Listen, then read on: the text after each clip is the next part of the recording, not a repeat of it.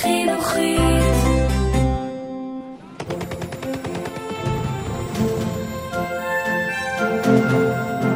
Es lebe Deutschland!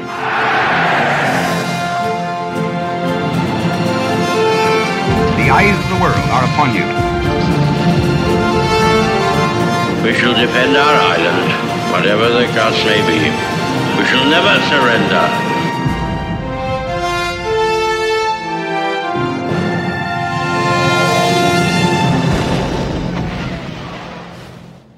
ברוכים הבאים לפודקאסט מלחמת העולם השנייה של החינוכית. אני יובל מלכי.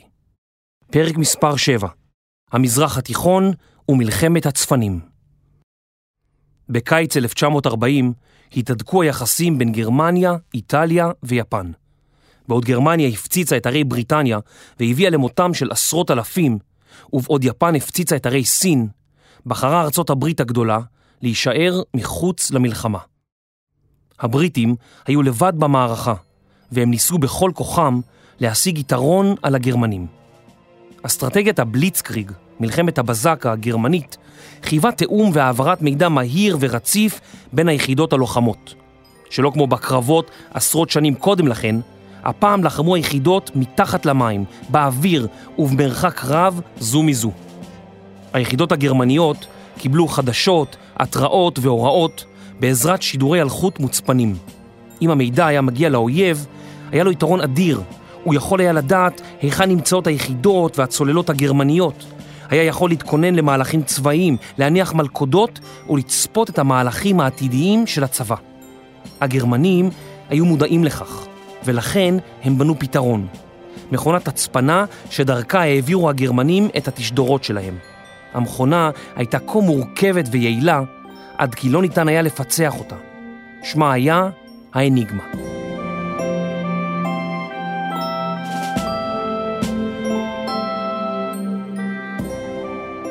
בקיץ 1940 כבר הייתה מלחמה גדולה בעיצומה. היא התרחשה באירופה, באפריקה, באסיה ובמזרח הרחוק. באותו קיץ התקדמו היפנים אל תוככי סין והצליחו לפצל את הכוחות הסינים. הפיצול לא אפשר לכוחות הסינים לשתף פעולה ולהעביר כוחות בחופשיות ממקום למקום, והם ספגו אבדות רבות. היפנים תקפו כל מטרה אפשרית, ערים בהם היו ריכוזי מורדים, כפרים וסירות עמוסות לעייפה בפליטים. אגנס מדלי, עיתונאית אמריקאית ששהתה בסין, סיפרה כי מדי יום ראינו גופות נפוחות של יצורי אנוש צפות לאיתן במורד הנהר, נתקלות בסירות ונעדפות מעליהן בידי שייטים מצוידים במוטות מעונקלים וארוכים. הזרים ששהו בסין חשבו כי סין לא תוכל להילחם כנגד הצבא היפני המאורגן, המסודר, המצויד היטב וחדור האמונה. בין השאר נשמעו טענות כי הגנרלים הסינים רקובים, חייליה הם איכרים נבערים או סתם ילדים, והטיפול בפצועים מזוויע. רבים האמינו כי סיכויי הסינים לנצח את היפנים היה אפסי, למרות יתרונם המספרי. באותו קיץ החלו הקומוניסטים הסינים להילחם גם הם ביפנים בתמיכתה של ברית המועצות. הם אמנם הצליחו לנתק מסילות ברזל ולהרוס מכרות, אך איבדו כ-20 אלף לוחמים שנהרגו בקרבות. את הנזק שעשו הסינים ניתן היה לתקן. את האנשים היה קשה להחליף. ביולי 1940 הפך הגנרל הלוחמני טוג'ו הידקי לשר המלחמה היפני.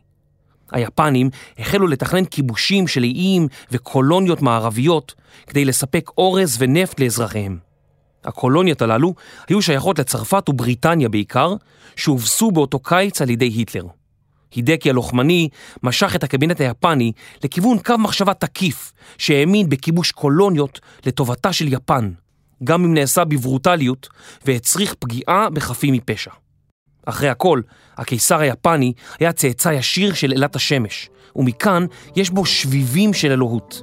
מה זה כמה חפים מפשע לעומת מילוי אחר רצונו של אלוהים, או צאצא שלו לפחות?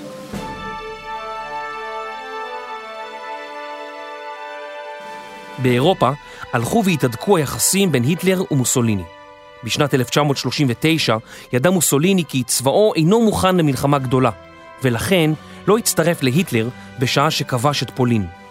כשהייתה צרפת מרוסקת, הצטרפו מוסוליני והצבא האיטלקי למלחמה בדרום המדינה, מפני שמוסוליני פחד להפסיד את השלל שעמד להיות מחולק בצרפת.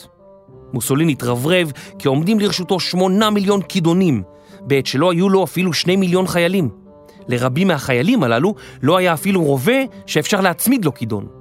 איטליה לא הייתה מדינה עשירה ואפילו נחשבה לענייה. היא התברכה במפקדים כושלים, חיילים חסרי מוטיבציה וכלי נשק ירודים בטבעם. מוסוליני הקטין את היחידות שלו כך שעל הנייר יהיו ברשותו דיוויזיות רבות יותר, בשעה שמתוך 73 הדיוויזיות המוקטנות, רק שליש בערך היו מצוידות כראוי. מוסוליני הצטרף להיטלר ולמלחמה בצרפת ובבריטניה, מפני שהאמין כי היא הסתיימה או עומדת להסתיים.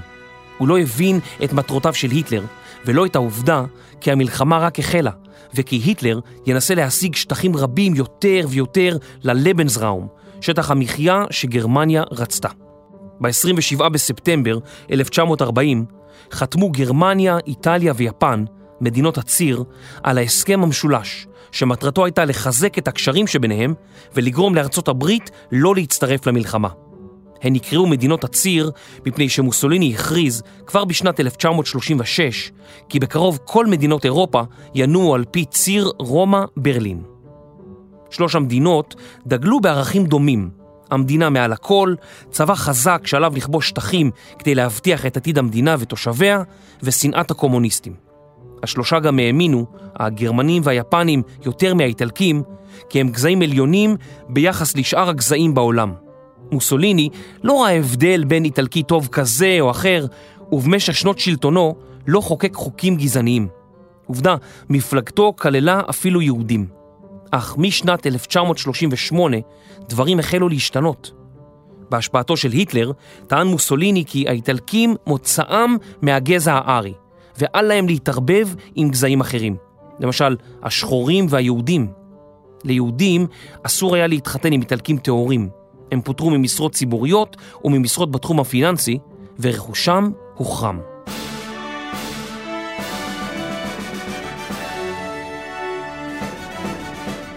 היטלר המשיך לנסות ולהעצים את כוח מדינות הציר.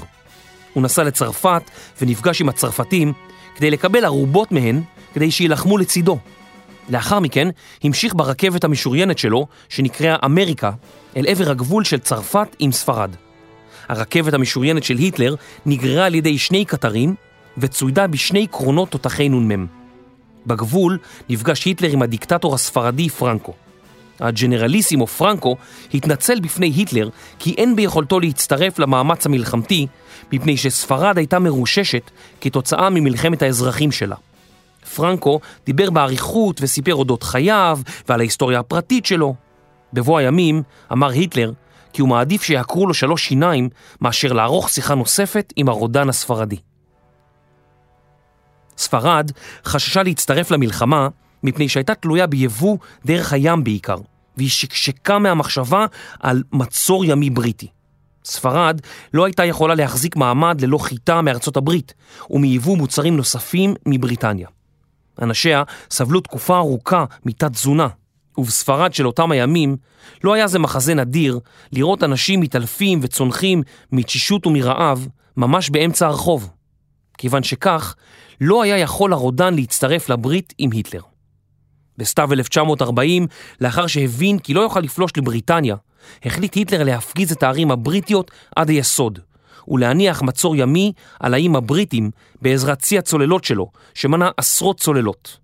הגרמנים הצליחו להטביע 166 ספינות בשנת 1939 וכ-560 ספינות בשנת 1941.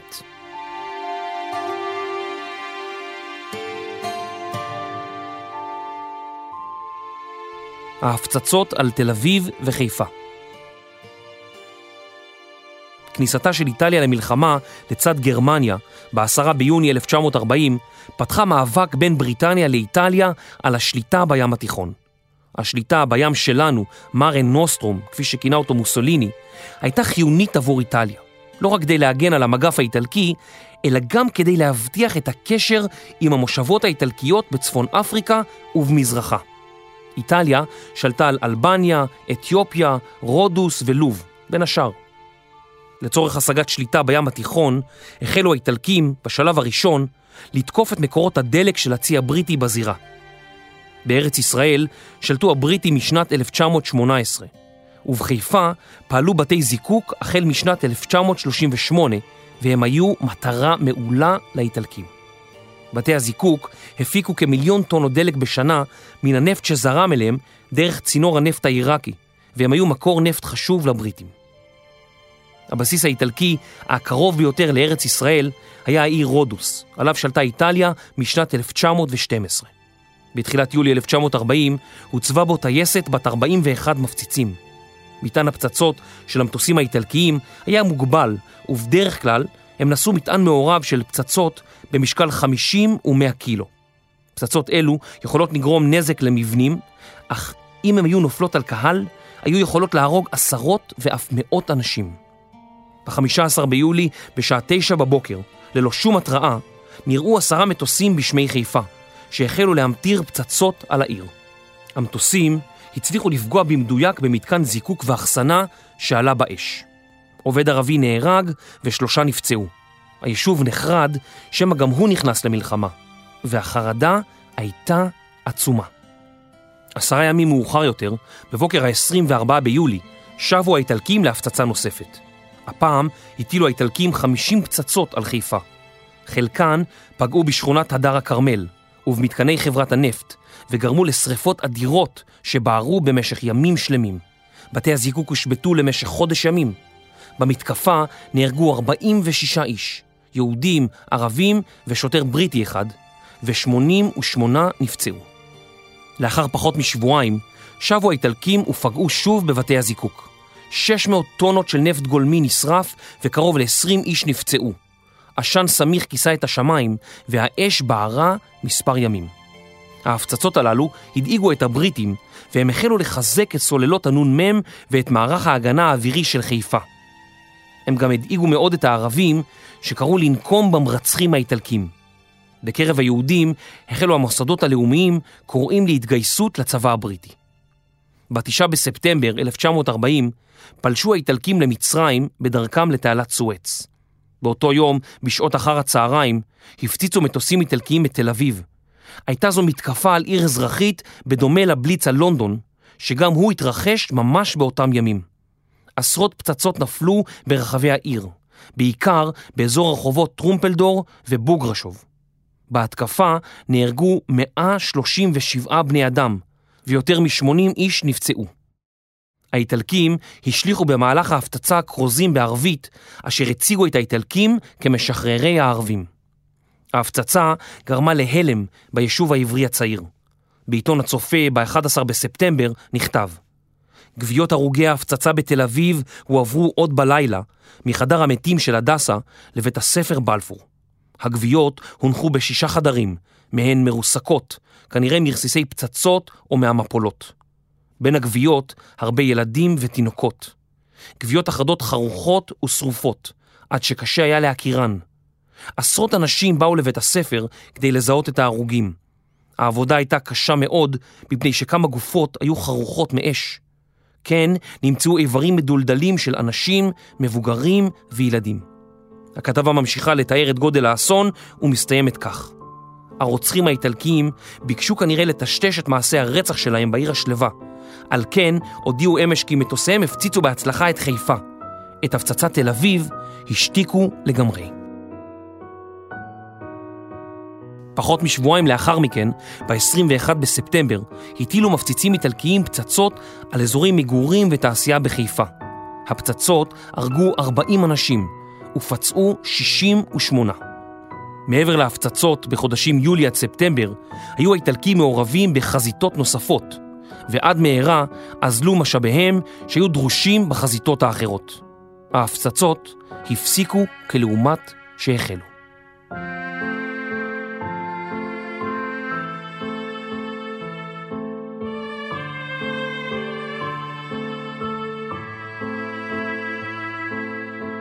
אפריקה והמזרח התיכון, 1940. בעוד היטלר משתלט על מערב אירופה, רצה מוסוליני להרחיב את האימפריה האיטלקית בשטחים הסמוכים לה, באירופה ובאפריקה. בדמיונו ראה אימפריה איטלקית בין איטליה לאתיופיה, החולשת על תעלת סואץ ונמלי ים סוף.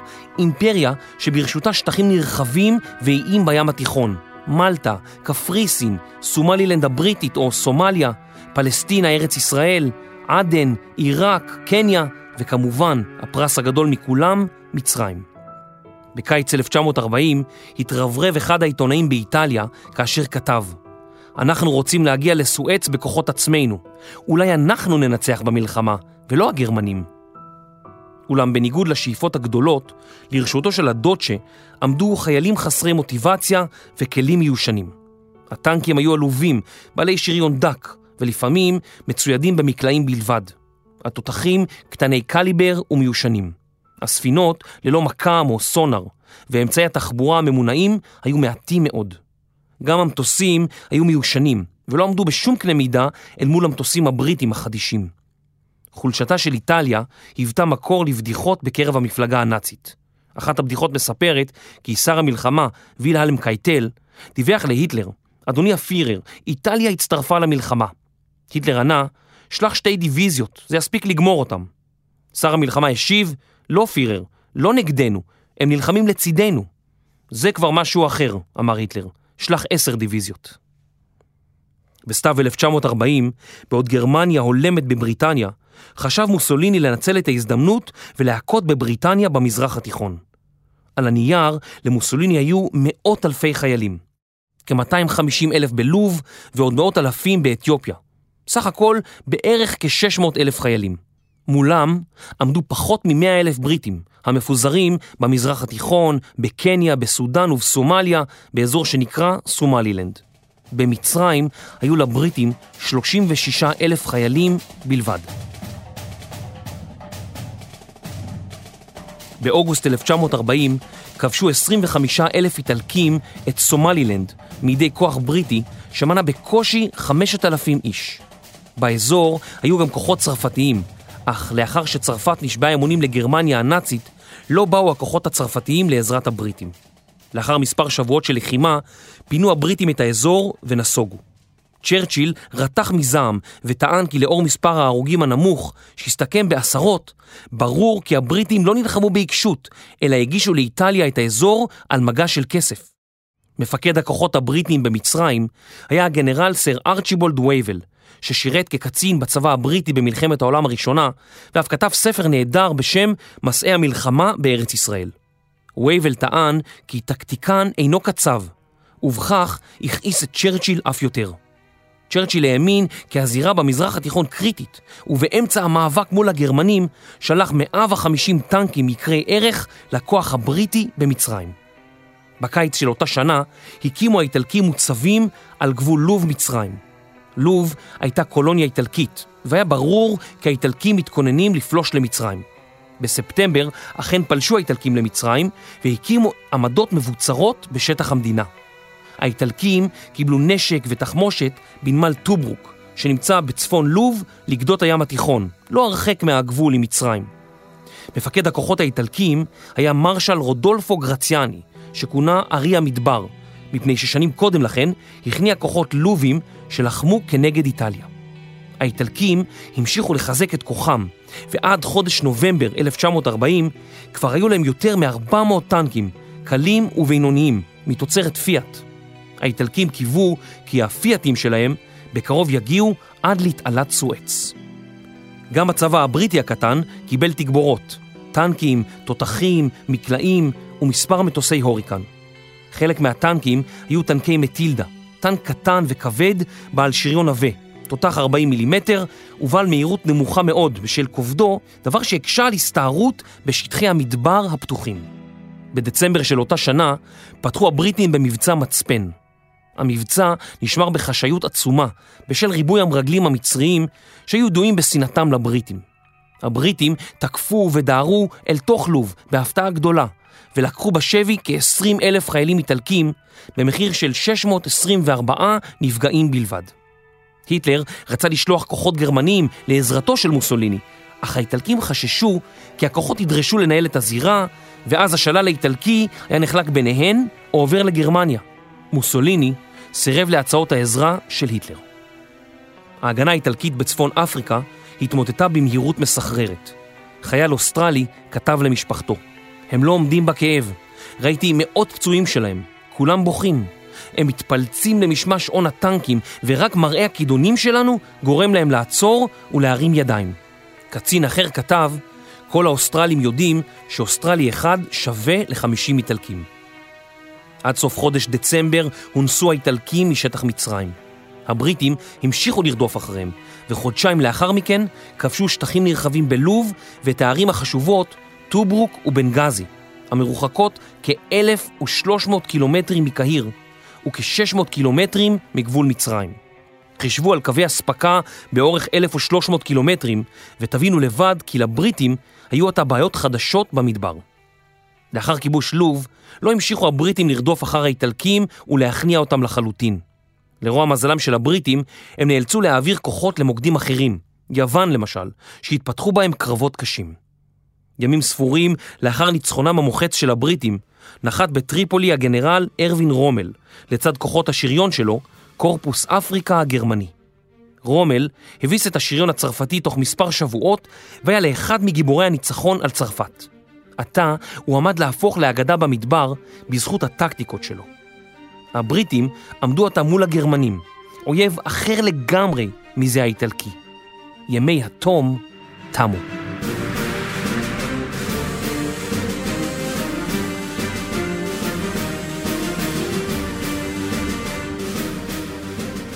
האניגמה. במשך שנות ה-20 וה-30, כאשר פיתחה גרמניה יכולות שידור רדיו, היא הבינה כי עליה להצפין את המידע ששידרה.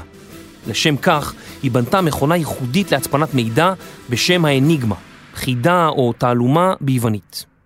האניגמה דמתה למכונת כתיבה או ללוח מקשים. כאשר הקישו על אות בלוח המקשים, צירוף של גלגלי שיניים ותקעים שנכנסו לשקעים מיוחדים, היה הופך את האות לאות אחרת. מברקים שהוצפנו באמצעות האניגמה הפכו לרצפים אקראיים של סימנים שרק מכונת אניגמה שנייה שקוילה באותו אופן בדיוק יכולה הייתה לתרגם את הצפנים בחזרה לטקסט בעל משמעות. קיול מכונת האניגמה השתנה כל יום בעזרת מחברת קודים מיוחדת. בפועל היו כמה סוגים של מכונת האניגמה. האניגמה של הצי הגרמני הייתה שונה מהאניגמה של הצבא, ושתיהן היו שונות מזו של חיל האוויר. הייתה גם מכונת אניגמה לאיטלקים, אך עיקרון פעולתן היה זהה. צופן האניגמה לא היה רק קשה לפיצוח, אלא בלתי אפשרי. למכונת האניגמה היו 159 קוונטיליון אפשרויות הצפנה. במילים אחרות, מספר בעל 21 ספרות. מדובר במספרים שקשה לנו להבין את גודלם.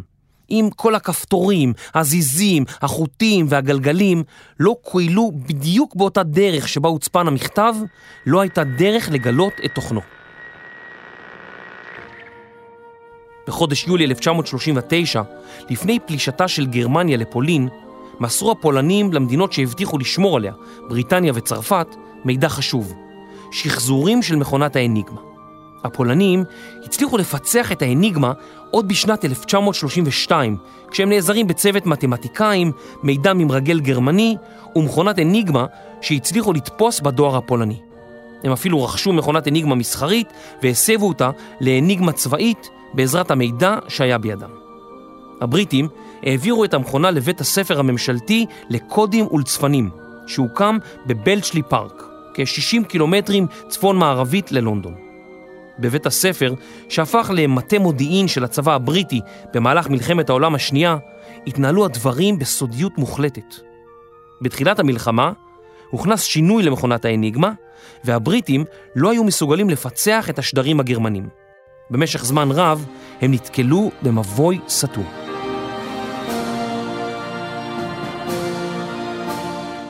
אלן טיורינג נולד בלונדון בשנת 1912 והתחנך באוניברסיטאות קיימברידג' ופרינסטון היוקרתיות. בשנת 1936, בהיותו בן 24, פרסם טיורינג מאמר חשוב שהיווה פריצת דרך בתחום מדעי המחשב. במאמר סרטט טיורינג מכונה תאורטית אשר תהיה מסוגלת לבצע כל חישוב או ניתוח של אלגוריתם בר ביצוע. ב-4 בספטמבר 1939, יום לאחר שבריטניה הכריזה מלחמה על גרמניה הנאצית, התייצב טיורינג במרכז פענוח הצפנים של בריטניה בבלצ'לי פארק. הצוות שאליו הצטרף טיורינג הופקד על אחת המשימות החשובות ביותר במאמץ המלחמתי, פענוח השידורים של מכונת ההצפנה הגרמנית, האניגמה. טיורינג הבין עד מהרה כי פגמים בהצפנה נגרמים על ידי אנשים ולא על ידי המכונה. הוא הניח כי מברקים מתחילים כמעט תמיד בטקסט הודעה מספר ומסתיימים ב"הייל היטלר". טיורינג וצוותו גם ניצלו כשלי אבטחה בדיווחי מזג האוויר של הגרמנים. הדיווחים שודרו מספינות בים אל גרמניה בצפנים פשוטים וקלים יחסית לפענוח, ואז שודרו מחדש לצוללות בלב ים באמצעות האניגמה. למרות הפענוח של מספר צפנים, המידע עדיין היה מוגבל. מידע מודיעיני טוב יותר הושג מאסירים, מצילומי אוויר וממסמכים סודיים שנתפסו על ידי סוכנים בריטים. כמות האנשים שזרמה לבלשלי פארק, אחוזה של 250 דונם, הלכה ותפחה, ומבנים שונים נבנו בחצר האחוזה. מפאת אבטחה נקראו המבנים רק במספר, בקתה מספר אחת, בקתה מספר שמונה וכיוצא בזה. ביחידה הושקעו משאבים רבים וגויסו אליה מיטב המוחות מתחומים שונים באקדמיה, אותם מוחות שהתאימו לפענוח צפנים ולבניית מכונות מחשוב. הבריטים גייסו אנשים בעלי ידע בשפות זרות, אלופי שחמט ופותרי תשבצים מיומנים, שהיו יכולים לקשר בין סימנים שונים בצורה מהירה. אט אט הצליחו המפענחים הבריטים למצוא את המפתחות לקוד הגרמני ולקרוא דוחות של חיל האוויר הגרמני למשל. הבריטים רצו לשמור על פיצוח האניגמה כסוד מוחלט, ומעטים בלבד ידעו מה מתרחש בבלצ'לי פארק. הדוחות שהקצינים הבריטים קיבלו נכתבו כך שנראה היה כי באו מסוכנים של ה-MI6, ארגון הביון הבריטי שמטפל בנושאי חוץ, בדומה ל-CIA או למוסד. כשצפנים נוספים של האניגמה פוענחו, למדו הבריטים היכן מוקמו כלי שיט גרמנים. העובדה שהאניגמה פוצחה הייתה חייבת להישאר סוד כמוס, ולכן מרכז הפענוח לא העביר את כל ההודעות הרלוונטיות הלאה, אלא רק את חלקן, ופעולות ננקטו רק אם היה סיפור כיסוי שהיה יכול להסוות את מקור המידע, כפי שקרה בקרב כף מטפן בים התיכון.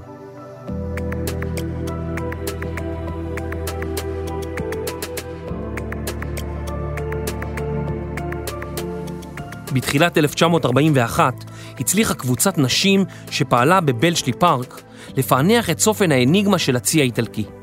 במרץ של אותה השנה גילו המפענחים, או המפענחות, כי הצי האיטלקי עומד לצאת למבצע גדול נגד שיירות בריטיות במימי הים התיכון, דרומית לכרתים. האיטלקים הוזנו במידע שגוי על ידי הבריטים אודות כמות הספינות שברשותם, והימצאותו של האדמירל הבריטי קונינגהם במסיבה.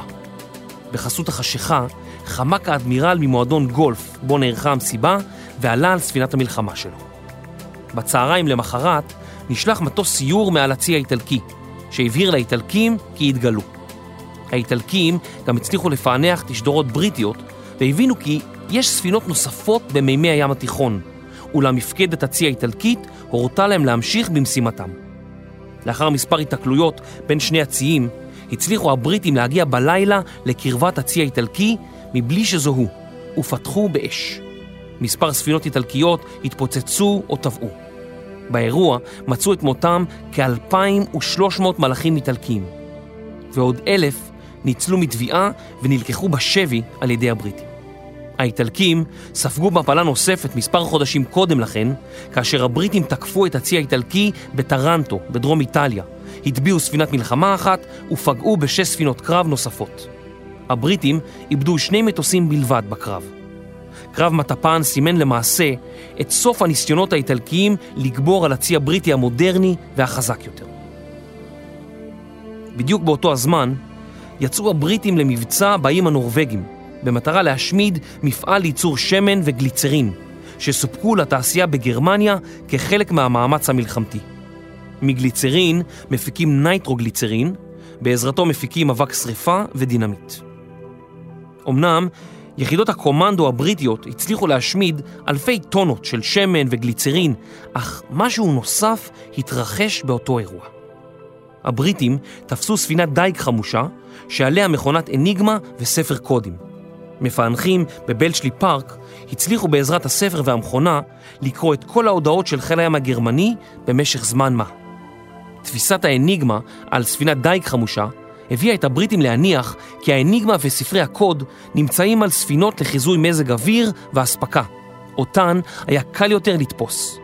במאי 1941 תפסו הבריטים מספר ספינות מזג אוויר ואספקה, עליהם מצאו ספרי קודים של האניגמה לחודש יוני. באותו חודש תפסו הבריטים את הצוללת הגרמנית U-110 והכריחו אותה לעלות אל פני המים. צוות השתלטות חמוש תפס את ספרי הצופן ואת מכונת האניגמה שבצוללת. במשך שבועות ארוכים קראו הבריטים כל הודעה ששלחו הגרמנים.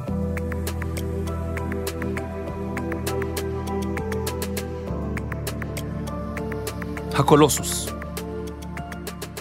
במחלקה אחרת בבלצ'לי פארק, בראשותו של המתמטיקאי מקס ניומן, התמודדו מדענים מול הצפנת מערכת טלפרינטרים גרמנית אלחוטית בשם הלורנץ, ששימשה את הפיקוד העליון הגרמני. גם הלורנץ השתמשה במערכת רוטורים, אך לא היה בידי הבריטים מכונה שכזאת. מהנדס בשם טומי פלאוורס בנה את המחשב האלקטרוני הספרתי הראשון בעולם, הקולוסוס, ביוונית הענק, על שם הפסל הענקי שהוקם ברודוס והיה אחד מפלאי העולם העתיק. המחשב גילה לצוות את התצורה ההתחלתית של מכולת הלורנס, ובכך עזר למעשה לפענח את הקודים של הפיקוד הגרמני העליון. כך למעשה קראו הבריטים גם תשדורות של הפיקוד העליון הגרמני, שהרשה לעצמו לדבר בחופשיות, מפני שהאמין כי הן האניגמה והן הלורנס היו מוגנות מפענוח. סניף של בלשלי פארק הופעל גם בקניה שבאפריקה כדי לפצח את הצפנים היפנים ולפענחם. וסניף אחר, שעקב אחרי הסובייטים, הופעל בפלסטינה, ארץ ישראל, במחנה סרפנד, מחנה צריפין כיום. בבלשלי פארק פעלו במהלך המלחמה קרוב לעשרת אלפים אנשים, רובם המכריע נשים. אבל לא הכל הלך חלק, במיוחד אם הוחדר מרגל לתוך הארגון החשאי. הבריטים פענחו הודעות והעבירו אותן ליחידות הרלוונטיות. את העותקים שלא היה בהם צורך היו שולחים לגריסה. על הגריסה היה אחראי צעיר בריטי בשם ג'ון קרנקרוס, בעל חיבה סודית לקומוניזם. קרנקרוס היה מחביא במכנסיו עותקים מפוענחים של התשדורות הגרמניות, יוצא עימן מחוץ לבניין ומפיל אותם בפח אשפה מוסכם מראש. סוכן סובייטי היה אוסף את הדוחות ומעביר אותם במהירות לברית המועצות. הבריטים לא סיפרו לסובייטים על המבצע החשאי בבלשלי פארק, אבל הם לא היו צריכים, כך לפחות הסתבר שנים לאחר המלחמה. ארצות הברית מתכוננת למשהו. גם כאשר גרמניה תקפה את הערים הבריטיות במלחמה, העדיפה ארצות הברית להישאר בצד. היא המשיכה לשמור על ניטרליות מפני שרוב האמריקנים האמינו בבדלנות, העדפה להסתגר מאחורי שערים דמיוניים. בסקר שנערך בספטמבר 1939, רק 16% היו בעד שינוי במדיניות הניטרלית, ומתן סיוע לבריטניה וצרפת אם תעמודנה בסכנת תבוסה.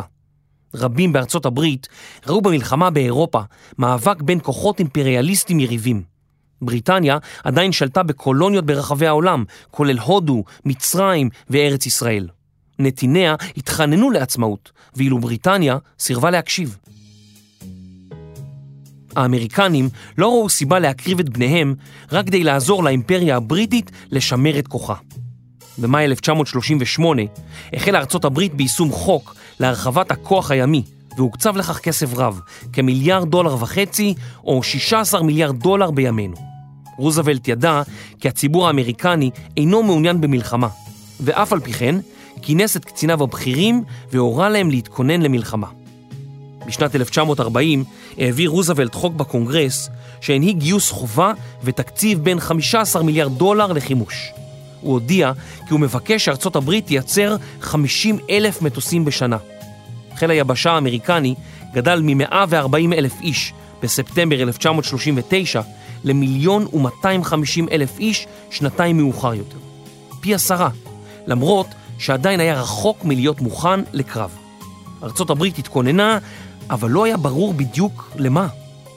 באותה תקופה, אמריקנים רבים ביניהם אנשי עסקים בכירים ואקדמאים, האמינו כי היטלר עומד לנצח בקרבות, וקראו לממשלת ארצות הברית להתחיל להתכונן ליום שלאחר כיבוש בריטניה בידי גרמניה.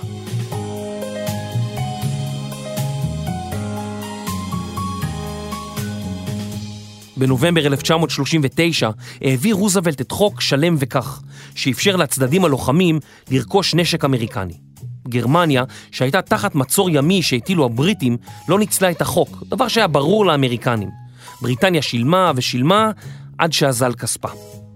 לאחר ההפצצות הגרמניות על ערי בריטניה בספטמבר 1940, החלו סקרי דעת קהל באמריקה להראות כי האמריקנים תומכים במאבקה של בריטניה, למרות שעדיין האמינו כי הייתה אימפריה קולוניאליסטית שנהגה באי צדק במושבותיה. כבר באותו חודש, סקרי דעת קהל הראו כי כ-60% מהאמריקנים תמכו בסיוע לבריטניה גם במחיר של כניסה למלחמה. אך מעטים מבין הנשאלים אכן הסכימו כי יש לשלוח כוחות רגליים אל מעבר לים. הלך הרוח בארצות הברית עדיין היה בעד בדלנות. האמריקנים ידעו כי לאחר חתימת ההסכם בין יפן, גרמניה ואיטליה בספטמבר 1940, היה ברור כי הכוחות במלחמה הם הפשיזם הגזעני אל מול בריטניה, כאשר האיום הסובייטי ממזרח קשור גם הוא בברית עם היטלר. עדיין, אמריקנים רבים זכרו את זוועות המלחמה ההיא, ולא רצו לשמוע על מלחמה נוספת. כחודש לאחר חתימת ההסכם, בעוד לונדון עולה באש, נאם רוזוולט בבוסטון, שם הבטיח כי למיליון החיילים החדשים שגויסו לצבא יהיו מגורים ראויים, ידאגו לבריאותם ולכל צורכיהם. והוא המשיך: בעודי מדבר אליכם אמהות ואבות, אוכל לתת לכם התחייבות נוספת. אמרתי את זה לפני כן, ואומר זאת שוב ושוב ושוב. הבנים שלכם אינם עומדים להישלח אל מלחמות זרות. הם הולכים לאימונים כדי ליצור כוח כה חזק שבעצם קיומו ידאג להשאיר את איום המלחמה הרחק מחופינו. מטרת ההגנה שלנו היא הגנה. צ'רצ'יל, ששמע את רוזוולט, ידע כי בעתיד הקרוב לפחות, יצטרך להילחם נגד היטלר ותומכיו לבדו. בינתיים באירופה, רצה היטלר לחזק את שליטתו בדרום אירופה ובמזרחה. ב-20 בנובמבר פלשו הגרמנים להונגריה, בה שלט האדמירל הורטי מיקולוש, צאצא למשפחת אצולה הונגרית, ואילצו את הונגריה להצטרף למעגל מדינות הציר. ב-24 בחודש נכבשה סלובקיה, שהופרדה מצ'כיה. באותו חודש הצטרפה גם רומניה למדינות הציר. שליטה, יון אנטונסקו, לשעבר רמטכ"ל רומניה ושר הצבא, מונה על ידי המלך לאחר שבמדינה פרצה התקוממות. אנטונסקו הרומני התגלה כרודן פשיסטי, הפך את המלך לבובה, ערך מעצרים רבים וקיווה להשיב לרומניה שטחים שנגזלו ממנה על ידי ברית המועצות. בחודש פברואר 1941 פלשה גרמניה לבולגריה ואילצה אותה לחתום על חוזה משולש בין גרמניה, איטליה ובולגריה. באותה העת הנאצים כבר שלטו על פולין, דנמרק, נורבגיה, הולנד, בלגיה, צרפת, הונגריה, סלובקיה, רומניה ובולגריה. וכמובן, עשו שימוש בחומרי הגלם שלהם, בתוצרת המפעלים שלהם ובכוח העבודה במדינות הללו. חצי אירופה עזרה אותה להאכיל את מכונת המלחמה הגרמנית. להיטלר זה לא הספיק, מפני שהיו עוד מדינות באירופה, כגון יוגוסלביה ויוון. גם מוסוליני היה רעב, והמדינות הללו היו קרובות לביתו. קרבות חדשים, אימתניים ומפחידים, עמדו בפתח. מיליוני אירופים עמדו להצטרף, גם הם, אל מעגל המלחמה האכזרי.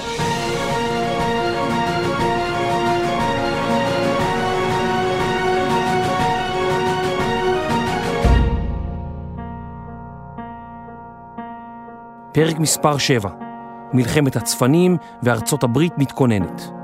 מחקר, כתיבה ועריכה, נתן פוזניאק ויובל מלכי.